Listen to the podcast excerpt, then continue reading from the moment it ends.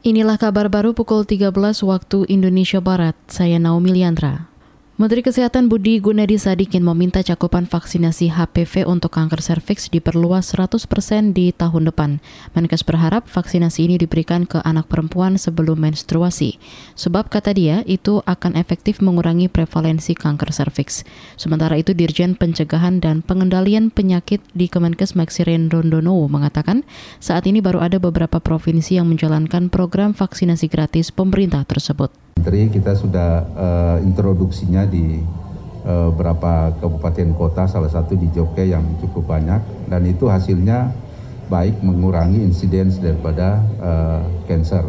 Makanya kami perluas tahun ini arahan Pak Menteri untuk menambah di 8 provinsi. Jadi 4 provinsi di Jawa, tambah Bali, dan 3 provinsi di Sulawesi.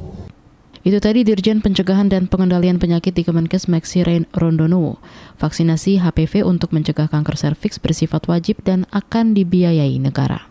Menteri Investasi Bahlil Lahadalia menilai kebijakan yang ada saat ini belum konsisten mendukung aliran investasi berjalan dengan cepat.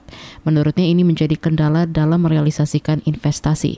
Padahal dia mengklaim sudah berupaya mendatangkan investasi dari dalam maupun luar negeri. Saya jujur aja untuk menyampaikan bahwa salah satu problem, salah satu problem kenapa realisasi investasi kita tidak cepat keluar karena kita belum konsisten. Apa yang diputuskan oleh menteri turun di dirjennya lain. Apa apa yang diputuskan oleh Dirjen turun di eselon 2 lain. Apalagi tanpa eselon, itu gerakan tambahannya paling banyak sekali. Nah ini sebenarnya kalau ini mampu kita kita luruskan baik, saya pikir percepatan itu bisa kita lakukan. Menteri Investasi Bali Lahadalia menambahkan Presiden Joko Widodo terus mendorong mempercepat realisasi investasi.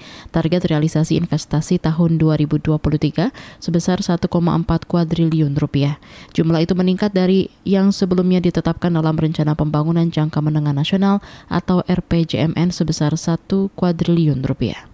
Beralih ke mancanegara, rumah sakit utama di wilayah Tigray, Ethiopia memulangkan 240 pasien setelah kehabisan stok makanan. Rumah sakit itu berada di wilayah terdampak perang. Dikutip dari antara, kondisi itu makin menunjukkan sedikitnya bantuan makanan yang diberikan. Padahal pada Maret lalu, pemerintah mengumumkan gencatan senjata untuk mengizinkan pengiriman bantuan. PBB juga menyebut 100 truk bantuan dibutuhkan setiap harinya di sana. Seorang pejabat rumah sakit mengatakan sekitar 360 pasien rumah sakit masih masih dilayani karena bisa membeli makanan sendiri. Namun pasien baru yang tidak membawa makanan dan uang akan ditolak. Beberapa yang dipaksa pulang di antaranya bayi yang mengidap meningitis dan tuberkulosis. Konflik meletus pada November 2020 antara pemerintah pusat Ethiopia dengan para penguasa di Tigray. Saudara, demikian kabar baru KBR. Saya Naomi Liandra, undur diri.